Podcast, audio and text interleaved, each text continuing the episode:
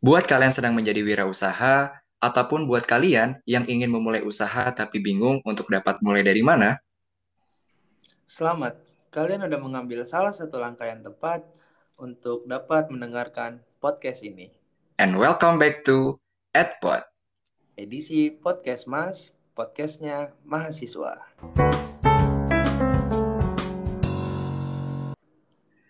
Oke, halo selamat pagi teman-teman semuanya. Kembali lagi nih bersama kita di EdPod, edisi podcast Mas, podcastnya mahasiswa. Sebelumnya kenalin, aku Aditya Pratama dari jurusan Ekonomi Pembangunan Angkatan 2019. Dan kali ini kita ketemu lagi nih di podcastnya mahasiswa yang ke depannya kita akan ngupas tuntas apa itu definisi maupun makna dari entrepreneur. Tapi sebelum itu, aku nggak sendiri, dan di sini aku ditemenin sama salah satu teman sejurusan aku, namanya Stephen. Halo Stephen. Eh, halo juga Adit. Oh ya, Fen. Kira-kira siapa sih yang bakalan jadi narasumber kita buat di tema entrepreneur ini? Nah, sumbernya yang pastinya kece sih, Dit. Oh, kece ya. Kece parah. Oke, mungkin buat teman-teman yang belum tahu nih, siapa itu narasumbernya, beliau bernama Kak Muzaki Nur Habibi, dan beliau ini menjabat sebagai Ketua Umum Young Entrepreneur Sriwijaya Angkatan 2021. Halo Kak Muzaki. Ya, halo Aditya. Oke nih Kak Muzaki.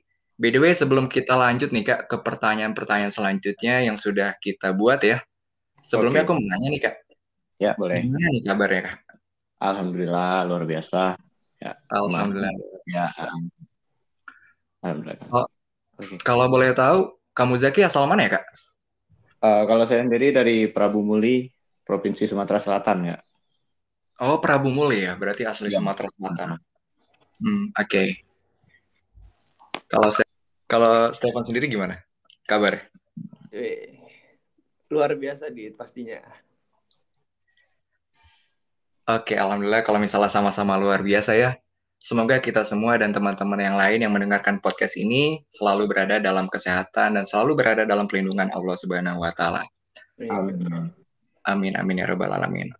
Oke, Kak Muzaki, kita langsung masuk ke pertanyaan pertama ini ya, Kak. Masalah entrepreneur kayak gitu.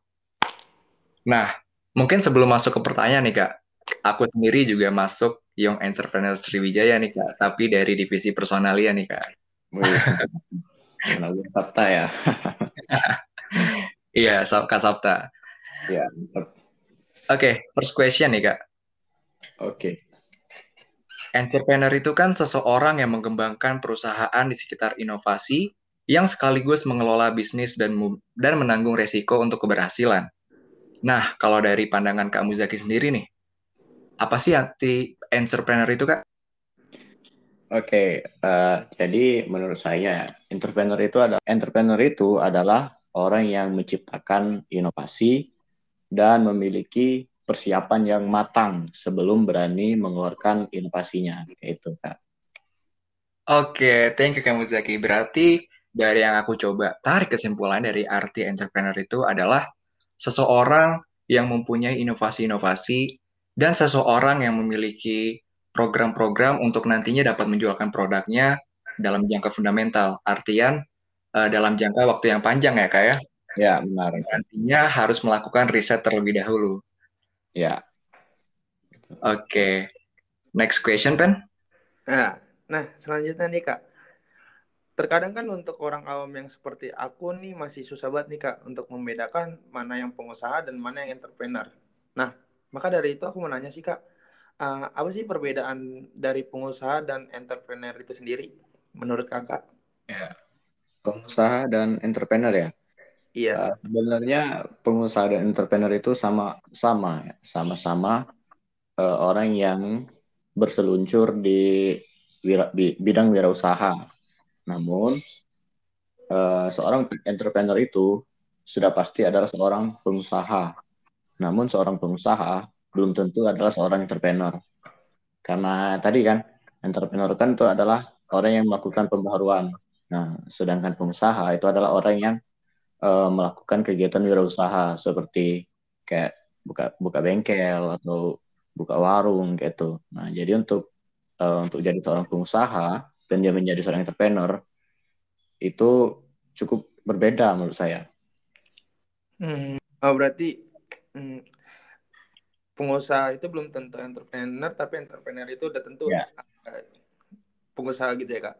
Ya kan uh, entrepreneur kan adalah orang yang berhasil melakukan pembaruan atau inovasi.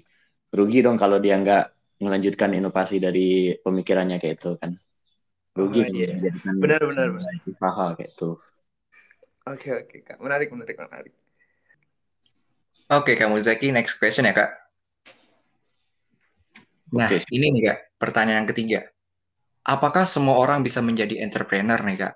Karena kan seperti yang kita ketahui, masing-masing orang itu mempunyai keahlian yang berbeda-beda. Misalnya aku uh, punya keahlian di bidang olahraga misalnya, sama sekali nggak punya keahlian di bidang penjualan ataupun entrepreneur-entrepreneur seperti itu. Nah jadinya semua orang itu bisa untuk dapat menjadi entrepreneur? Ya benar, semua orang tuh bisa menjadi seorang entrepreneur. Tapi tidak semua orang mampu untuk menjadi entrepreneur. Kenapa? Karena ya pada dasarnya semua orang itu bisa ya memang. Tapi apakah mampu gitu? Apakah kita memiliki keberanian? Apakah memang uh, kita punya niat untuk jadi entrepreneur? Bahkan sebelum menjadi entrepreneur, kita tuh seharusnya memiliki niat dan modal gitu. Nah, dalam hal ini modal itu tidak selalu berarti uang. Kan uh, bisa jadi dengan pengetahuan kita, pengalaman kita, Nah, ketika kita sudah merasa mampu, ya silakan kita lakukan ide-ide kreatifnya gitu. Kalau masalah modal itu nantilah. Kan uh, pada saat ini kan sudah banyak tuh event-event kewirausahaan. Karena uh, baik dari Kementerian Pendidikan ataupun dari kementerian yang lain-lain itu uh, memiliki sama-sama memiliki program yang mampu untuk menjawab permasalahan modal keuangan tadi. Nah, tinggal bagaimana cara kita untuk bertarung sampai akhir gitu. Bertarung untuk mendapatkan dana dari uh, dari kementerian gitu. Contoh kan kemarin kita ada KBMI gitu. Nah, kalaupun uh, seperti yang katakan Adi tadi kalau uh, kita adalah seorang binaraga itu ya, seorang yang suka olahraga, hmm. kenapa kita nggak mencoba membuat uh, suatu obat gitu, satu obat yang dapat menurunkan berat badan gitu. Kalaupun ini memang suatu hal yang baru, berarti kita adalah seorang entrepreneur gitu. Obat yang baru nih misalnya untuk uh, mengurangi berat badan atau mengecilkan perut gitu, terus memperkuat otot kan bisa jadi gitu. Iya, benar banget. Bisa jadi entrepreneur. Oke, benar banget sih Kak. Berarti kuncinya itu semua orang sebenarnya bisa menjadi entrepreneur. Ya, Dan yang menjadi pertanyaan itu seberapa mampunya mereka untuk menjadi entrepreneur ya kak ya? Karena kan untuk menjadi seorang entrepreneur itu dibutuhkan konsistensi nggak sih kak? Ya benar konsisten. Hmm. Karena aku pun ngalamin kak jujur di tahun 2020 kemarin aku sedang mengembangkan bisnis aku sendiri. Ya walaupun hmm. hitung-hitungan cuma sebagai dropshipper ya kak ya.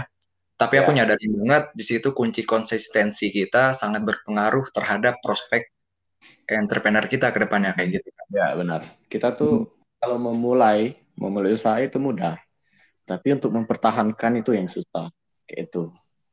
Oh, berarti nggak cuma hubungan aja ya kak ya mempertahankan hubungan, hmm. mempertahankan itu susah? Iya. Oke. okay. Next question, Pen. Hmm, Oke okay, kak, aku lanjutin nih kak. Nah, berbicara tentang modal yang tadi nih kak yang udah disampaikan Adit sama kamu Zaki kan banyak ya kak. Kayak teman-teman kita yang baru mulai berbisnis nih. Tapi ya modalnya masih pas-pasan gitu. Dan kata Adit sendiri uh, buat bagi yang belum berpengalaman tuh kayak uh, belum ada pengalamannya tapi ada keinginan untuk berwirausaha. Nah kalau menurut kamu Zaki sendiri gimana sih kak langkah awal buat mulai berbisnis buat teman-teman kita yang punya kendala tersebut. Selain dari yang kakak bilang event-event yang ada ya kak. Mungkin selain nah. itu kira-kira ada lagi kak? Oh ya. Oke okay, jadi uh, yang saya katakan tadi kan kan banyak tuh ada kompetisi-kompetisi bisnis. Nah kan uh, ada juga dari universitas. Contohnya di Unsri kan ada PMB yaitu program mahasiswa wirausaha tahun 2021 yang sudah dilaksanakan bulan kemarin. Nah, uh, di samping itu juga kita harus aktif googling dan juga harus uh, bermedia sosial gitu. Kita harus uh, berluncur di media, bermedia sosial karena info-info uh, dari media sosial itu banyak sekali manfaat dari kita. Tinggal bagaimana cara kita untuk mencari apa yang bermanfaat untuk kita. Bukan bagaimana cara kita untuk mencari informasi. Nah, ini nih terus ada saran dari saya juga ya. Uh, sering-seringlah untuk ikut seminar kewirausahaan. Nah, karena kan gini, ketika acara itu selesai, nggak usah lip dulu, nggak usah lip grup kayak tuh. Pertahanin aja sampai akhir kayak tuh, sampai ganti HP kalau bisa jadi. Biarin aja nggak apa-apa. Karena uh, biasanya ya orang-orang yang punya event atau lomba kewirausahaan itu kemungkinan besar pasti nge-share di grup-grup hasil dari seminar kewirausahaan. Karena kenapa ya? Karena uh, ya kan lah orang yang nggak minat wirausaha uh, masuk grup seminar wirausaha nggak mungkin kan. Nah pasti kan yang di grup itu adalah orang-orang yang minat berwirausaha. Nah jadi uh, grup tadi itu adalah alat yang digunakan uh, oleh, oleh oleh orang yang punya event. Nah, untuk membrandingkan kegiatannya gitu. Contohnya uh, kemarin tuh saya ikut seminar wirausaha dari ekonomi atau FKIP ya gitu. Nah, uh, baru semalam saya dicat lagi untuk uh, ikut wiro, ikut ikut lomba atau seminar gitu loh. Barusan semalam ini dicat dan sudah daftar kayak itu. Jadi kalau kita ikut seminar-seminar itu nggak usahlah lip gitu. Kan bisa kita apa tuh bisa diarsipkan lah di WA tuh kan. Nah jadi kalaupun sudah banyak pesan-pesannya bisa kita hapus. Jadi nggak mele, uh, melambatkan HP gitu loh. Jadi bagaimana cara kita uh, untuk mengaturnya aja gitu. Banyak sih sebenarnya event oh Berarti intinya bagaimana suatu niat kita ya kak ketika kita melihat informasi tersebut. Nah, hmm. buat pendengar-pendengar podcast yang saat ini nih, yang nantinya ingin bergabung di bidang entrepreneur, ada saran tuh dari kamu Zaki yang di mana ketika kita niat, kita harus sering-sering ikut seminar. Nah, karena dari hmm. seminar itu bakalan ada info yang penting. Begitu ya kak? Ya, benar. Next question ya kamu Zaki. Okay. Ini pertanyaan yang kelima nih Kak. Pertanyaan itu, sebagai entrepreneur, kita kan harus terus belajar nih. Nah, gimana ya caranya kita untuk dapat ngembangin bisnis dengan cara belajar? Biar keduanya itu dapat terus berjalan, Kak. Dengan artian balance gitu. Antara belajar dengan wirausaha kita ini seimbang. Karena kan uh, ngelirik dari kesibukan kita belakangan ini, kita disibukkan bukan cuma belajar aja, tapi juga adanya organisasi, ataupun magang, magang bersertifikat misalnya dari kampus Merdeka ataupun di luar kampus Merdeka pun dan juga ada volunteer nih Kak. Nah, kadang kesibukan-kesibukan itu tuh apa ya menjadi challenge terbesar kita buat dapat uh, mengembangkan itu semua secara langsung nih Kak. Padahal niat utama kita tuh untuk ngembangin jiwa-jiwa usaha kita kayak gitu sih Kak. Gimana nih caranya untuk dapat ngembangin ataupun uh, menyeimbangkan waktu belajar kita dengan wirausaha. Oke, bagaimana cara uh, menyeimbangkan itu ya? Iya. Balance gitu. Oke, uh, sebenarnya ketika kita menjalankan usaha, pasti suatu saat kita mengalami yang namanya kendala. Karena oleh karena itu, di samping kita melakukan usaha, jangan pernah merasa puas dengan hal itu, apalagi dengan ilmu jangan pernah merasa cukup dengan ilmu. Jalankan aja keduanya karena eh, sama-sama penting untuk kita. Ilmu adalah investasi, investasi untuk kita ya, investasi yang bukan berupa uang gitu.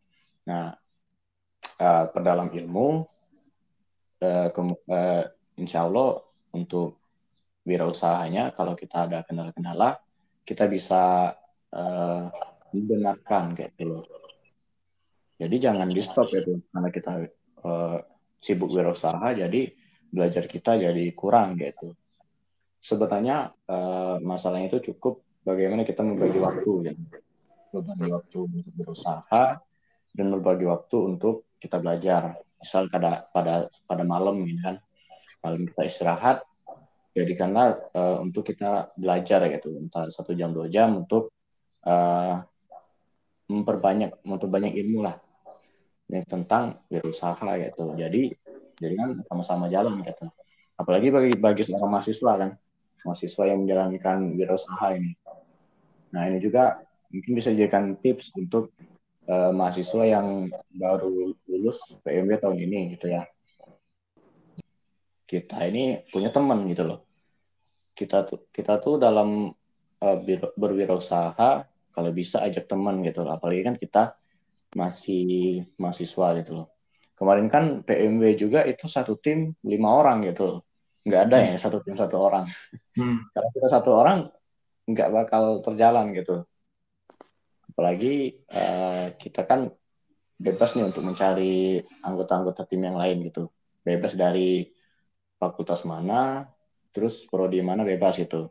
Nah, ketika kita tidak terbentur sama uh, pembelajaran dari mereka, uh, kita bisa uh, memberikan mandat kepada mereka untuk menjalankan usaha, kalaupun kita memang lagi nggak bisa menjalankan gitu, uh, atau apa kita lagi KKN kah, atau ada seminar kah, kayak itu.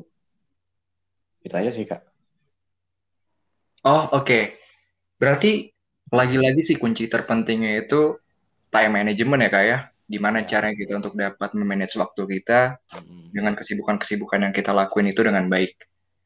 Ya, nah, terus aku tadi ingat nih kata kamu Zaki, seorang entrepreneur ataupun seorang wirausaha itu lahir dari banyaknya pengorbanan dan pengalaman ya kak ya. Ya, pasti gitu. Oke. Nah, jadinya buat teman-teman yang sekarang lagi terus belajar, ini pesan dari Kak Zaki, jangan merasa puas atas ilmu yang sudah kita miliki saat ini, tapi jadilah seseorang yang akan haus akan ilmu ataupun hal-hal yang baru ya ya? Ya, benar. Oke, okay. thank you deh Kamu Zaki. Next question, Pen. Nah, aku lanjut ya Kamu Zaki. Nah, berbicara tentang entrepreneur ini kan pasti banyak dong Kak, uh, dari awal hingga sekarang banyak banget nih tantangan yang Kakak lalui. Nah, yang ingin aku tanyakan ke kakak, kira-kira tantangan terbesar yang pernah kakak alamin sebagai entrepreneur itu apa sih kak? Dan gimana sih kak caranya buat menerima tantangan tersebut agar para pendengar uh, podcast mas ini jadi kayak bisa meminimalisir atau mendapatkan solusi nih dari kakak sendiri gitu? Oke, uh, yang pastinya tantangan terbesar itu adalah sifat malas dan inkonsisten gitu ya kalau kan kita rajin kan insya Allah lah nggak ada dapat masalah atau gimana. Pasti kan uh, kita konsisten sama usaha kita. Nah tapi bagaimana kita kesalahan yang fatal bagi kita? Kalau kita nggak menjalani menjalani terus usaha kita uh, kita mau kita mau kemanain gitu usaha kita ini? Contohnya kalau uh, kemarin nih saya nih uh, ada ada usaha lah pemasaran ikan lele gitu kan uh, pada satu hari-hari tertentu uh, saya agak males untuk ngasih makan gitu loh. Ngasih makan ikan lele. Nah tahu sendiri kan ikan lele itu gimana kan? Itu bisa saling saling makan gitu loh. Ya, jadi akhirnya pas saya nguras kolam tuh ada dua sampai tiga sampai lima gitu tulang-tulang ikan gitu loh. Nah, jadi itulah kesalahan kalau kita uh, malas dan tidak konsisten gitu. Pokoknya dua ini harus dijauhkan dari sifat-sifat kita. Terus, ya, terus juga uh, saran dari saya uh, ketika ada seminar yang bertema tentang bagaimana cara konsisten dalam berwirausaha, tema-tema yang seperti itu ikutilah gitu. Ya, ya berhubungan sama yang tadi ya, jangan pernah jangan pernah merasa cukup dengan ilmu gitu itu aja sih setiap dari pertanyaan selalu ada pesan dan kesan nih bagus bagus bagus sekali buat para pendengar jadinya seminar itu penting banget loh jadi kalau ada seminar jangan sampai keluar grupnya karena kadang bakalan ada info-info selanjutnya di grup tersebut iya pasti hmm. ada info-info tentang seminar lain gitu. Oke, terima kasih kamu Zaki. Nah ini nih kak, next question. Bagaimana cara menarik masa yang lebih banyak agar berminat dengan usaha jasa yang kita tawarkan atau yang kita sediakan nih kak? Mungkin ini kayak lebih ke mana ya? Ke digital marketing ataupun ke teknik-teknik marketing kita offline ataupun online kayak gitu sih kak? Oke, pemasaran gitu ya. Iya. Oke. Kalau in, uh, tentang pemasaran nih, kita kalau kita memang uh, ada usaha kecil-kecilan nih, pastinya kita uh, tawarin dulu sama keluarga dan tetangga gitu lah. Nah, yang pasti interaksi atau hubungan yang baik dengan keluarga dan tetangga sekitar itu uh, penting gitu ya. Jangan juga terburu-buru untuk melakukan branding besar-besaran gitu. Apalagi kita misalnya sebagai UMKM nih ya jarang kan kalau mahasiswa tuh uh, menjalankan usaha besar gitu. Yang, yang pasti uh, yang saya tahu itu kebanyakan UMKM gitu. Nah kita kan uh, karena kita bukan perusahaan besar jadi hubungan untuk branding produk tadi itu perlu dijaga gitu loh. Kalau ketemu sama tetangga tidak salahnya kan kalau kita menawarkan produk gitu. Nah, saya saya juga sering saya melakukan itu dan akhirnya berhasil gitu. Orang yang tidak saya kenal pun bukan yang di tetangga saya bukan di sekitar saya itu bertanya sama saya itu membeli produk gitu karena apa tadi? Karena tetangga tadi itu loh yang punya koneksi dengan orang luar gitu. Kita kan nggak tahu uh, tetangga kita tuh kenal sama siapa aja. Bisa jadi dia sama orang penting orang penting di desa atau di kota gitu loh. Jadi itu pentingnya koneksi bukan orang dalam ya. Iya. nah, uh, kalau masalah digital marketing tadi, kalau kita udah punya cukup nih, udah punya cukup cukup modal, bisa bisa kita untuk uh, apa tuh namanya kalau Instagram selebgram gitu ya, bisa minta uh, minta inilah jasa endorse. Gitu, jasa ya endorse branding branding produk gitu. Iya kalau mau produk mau branding juga harus hati-hati gitu loh perlu uh, membuat logo yang menarik gitu kemasan yang menarik gitu. Karena uh, masyarakat masyarakat tuh tertarik dengan kemasan yang menarik gitu. Kalau hmm. udah memiliki kemasan yang menarik ya pasti orang tuh bertanya-tanya gitu loh. Bertanya dan insya Allah ada yang beli gitu lah. Jadi uh, pada intinya itu kita bangun dulu untuk orang-orang yang sekitar gitu. Sebelum untuk ke digital gitu. Ke secara besar-besaran gitu. Bangun modal baru kita untuk melakukan branding gitu. Oke. Okay. Ya. oke okay, tadi kak by the way ada beberapa poin nih kak yang coba aku tangkap ya. Yang pertama itu masalah endorse. Kalau pengalaman aku sih ya kak ya kita pengen endorse sama orang, kita jangan terpaku sama jumlah followers yang pengen kita endorse itu. Bener kan ya kak ya? Ya, benar. Bisa jadi kan beli gitu. Ah, ah kayak gitu.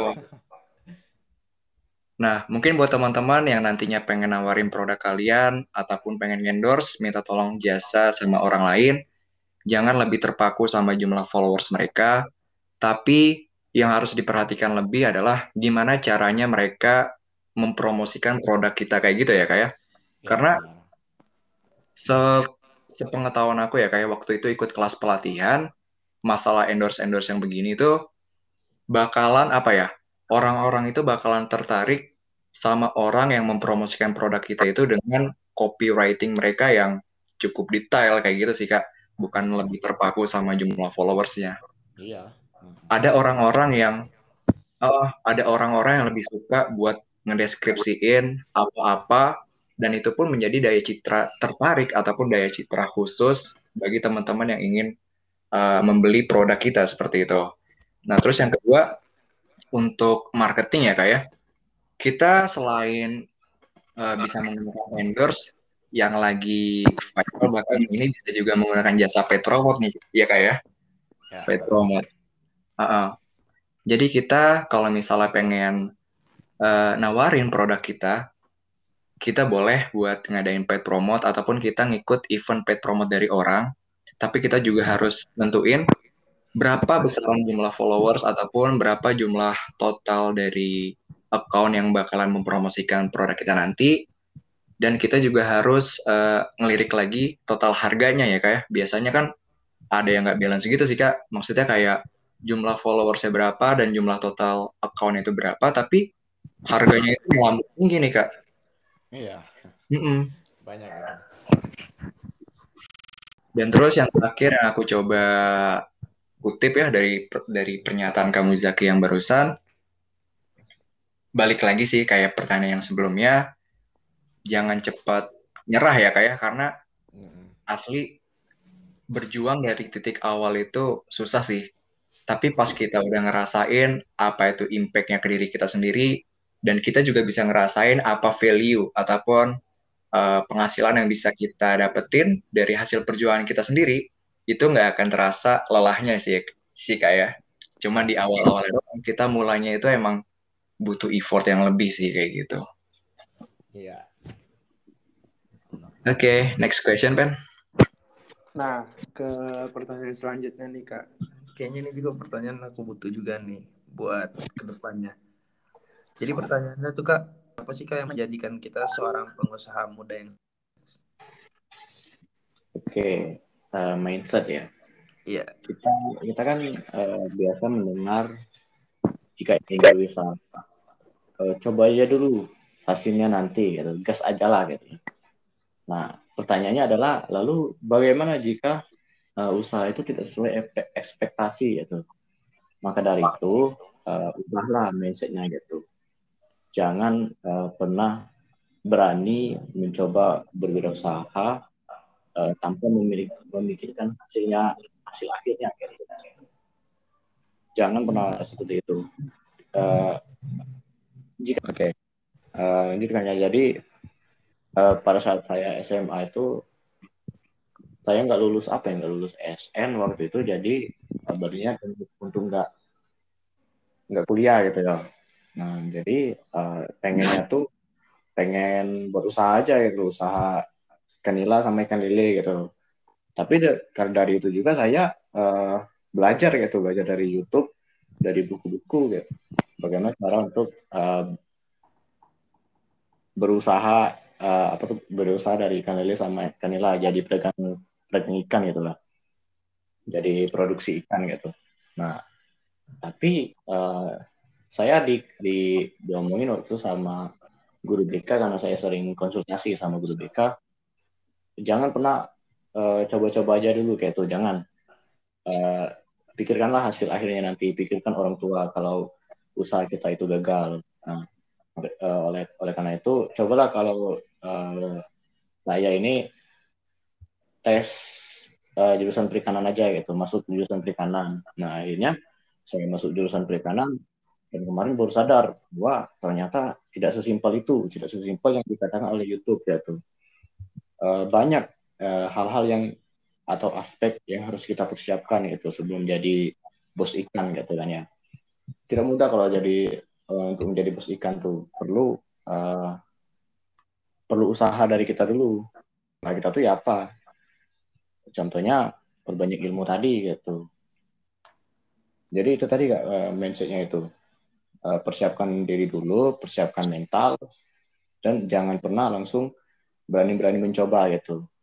Karena kan kita biasa nih lihat di Instagram atau di mana gitu ya, uh, lihat ada seseorang uh, biografi biografi seseorang bahwa dulunya itu adalah uh, seseorang yang susah gitu, seseorang dari keluarga yang kurang mampu, dan uh, dia jadi sukses karena melakukan usaha. Jadi uh, ada ada ada apa ya? Ada kata-kata di akhirnya itu uh, coba aja dulu gitu. Pengen celah itu lah. Coba coba aja dulu gitu. Tanpa memikirkan uh, hasilnya gitu. Itu aja sih kak. Oke kak. Oke bisa banget nih mindset ke depannya bakalan diterapin.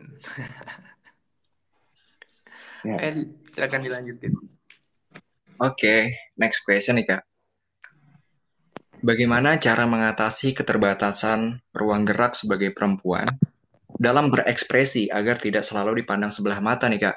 Kadang para perempuan-perempuan ini dinilai sebelah mata sih, kayak misalnya, iya apaan sih, emang bakalan laku ya, emang bakalan laris nanti ke depannya kalau misalnya yang mempromosikan produknya itu perempuan nih, kayak gitu kak. Jadinya para perempuan-perempuan ini ketika nantinya ingin menjadi entrepreneur ataupun menjadi seorang wirausaha menjadi apa ya menjadi terhalang seperti itu kak. Oke. Uh, uh, seorang seorang perempuan gitu ya. Iya. Dari usaha. Uh, sebenarnya kalau untuk pemasaran wanita itu malah yang dibutuhkan gitu loh. Yang dibutuhkan dalam pemasaran karena wanita itu uh, memiliki aura, aura yang menarik jika uh, dijadikan sebagai pemasaran gitu untuk uh, membrandingkan produk. Nah, namun uh, untuk menjadi wirausaha, seorang perempuan itu kan uh, dinilai tidak cocok gitu, karena uh, pemahaman logika logika perempuan itu berbeda dengan pria gitu. Uh, kan uh, kata orang ya, uh, kalau pria itu berpikir menggunakan logika, dan perempuan itu kan uh, berpikir menggunakan hati, menggunakan hati. Nah, inilah merupakan tantangan yang besar bagi seorang wanita. Uh, contohnya saja, uh, saya berapa kali ikut organisasi uh, pada saat pemilihan ketua, uh, misal ada wanita yang mencalonkan diri, itu dia dinilai uh, memiliki pemikiran yang ribet, kayak itu. Setiap wanita yang mencalonkan diri pasti dinilai memiliki pemikiran yang ribet Nah, padahal uh, menurut saya justru yang ribet itu adalah orang cerdas gitu Wanita seperti inilah yang merupakan aset yang penting gitu. Nah, oleh karena itu uh, jika menjadi seorang wanita uh, seorang entrepreneur wanita uh, perbanyak dulu perbanyak dulu pengetahuan, pengalaman uh, sebelum uh, ingin memutuskan melakukan sesuatu yang enggan dilakukan wanita pada umumnya gitu. Oke, makasih banget nih kamu Zaki. Jadi buat perempuan-perempuan yang nantinya ngedengerin podcast ini, edisi podcast Mas, podcast yang mahasiswa, boleh banget dijadikan sebagai pembelajaran ataupun dijadikan sebagai masukan ya. Ketika nantinya kalian ingin menjadi seorang entrepreneur ataupun ketika nantinya kalian ingin menjadi seorang wirausaha, itu nggak perlu takut, tapi balik lagi gimana caranya kita bisa membuktikan sama orang-orang yang memandang kita itu sebagai sebelah mata kayak gitu ya kak ya? Benar. Oke, okay, next question nih Ben. Oh ini kak dari aku. Iya. Yeah. Oke. Okay. Pertanyaan, pertanyaan terakhirnya itu gimana sih caranya kakak menerima situasi di mana ekspektasi bisnis ekspektasi bisnis yang kakak bangun itu tidak sesuai dengan harapan nih kak? Oke, uh, bagaimana ketika saya melakukan usaha namun tidak sesuai ekspektasi gitu ya? Iya benar.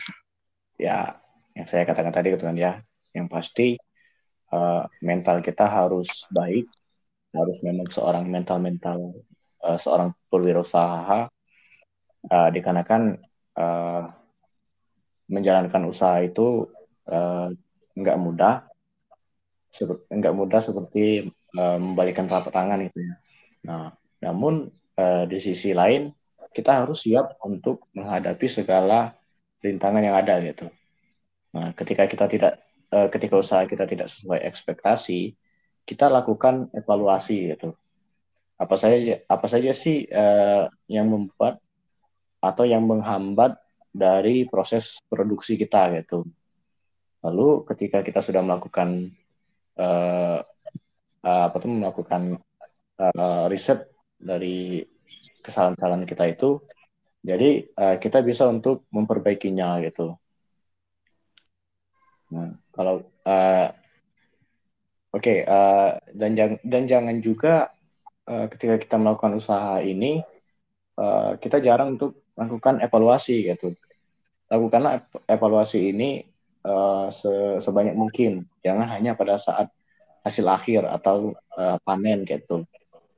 Jadi uh, dijadikan uh, panen tadi jadi dijadikan uh, apa ya sebagai tolak ukur, tolak ukur untuk ke depannya.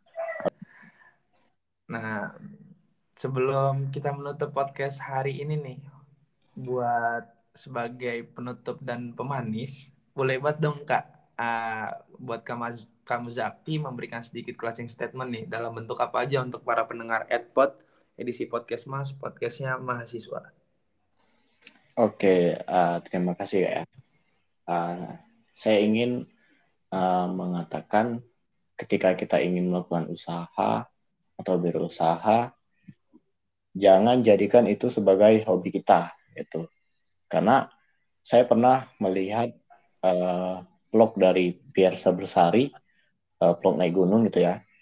Jangan jadikan hobi sebagai pekerjaan kita, karena jika kita males sama pekerjaan kita, kita bisa uh, kita bisa beralih ke hobi kita gitu.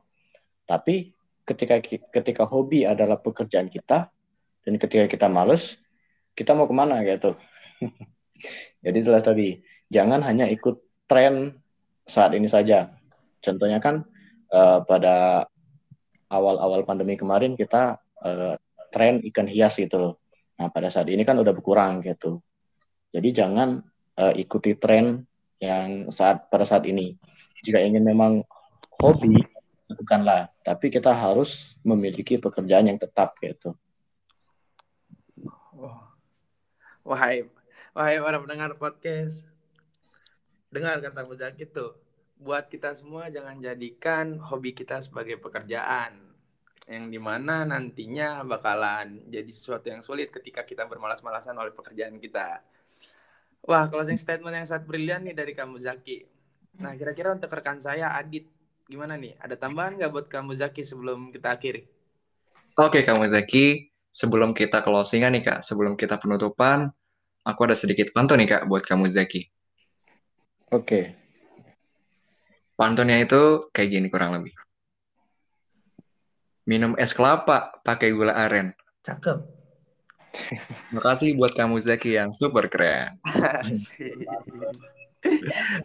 kasih dari IMEPA yang udah ngundang saya ya. Iya. sama-sama kak. Keren nih pantun dari Adit. Oke buat Oke mungkin buat teman-teman sekalian sayang banget nih untuk hari ini kita hanya bisa sampai di sini. Tapi pastinya kalian harus stay tune terus di Edpod edisi podcast Mas, podcastnya mahasiswa. Karena untuk ke depannya pasti akan ada hal-hal yang menarik dengan tema-tema yang tentunya gak kalah menarik dengan hari ini. So, mungkin akhir kata saya Stephen Chandra Winanta dan rekan saya Aditya Pratama pamit undur diri. See you di Edpod. And bye-bye. Podcast Mas, podcastnya mahasiswa. Bye-bye semua. Ya, terima kasih.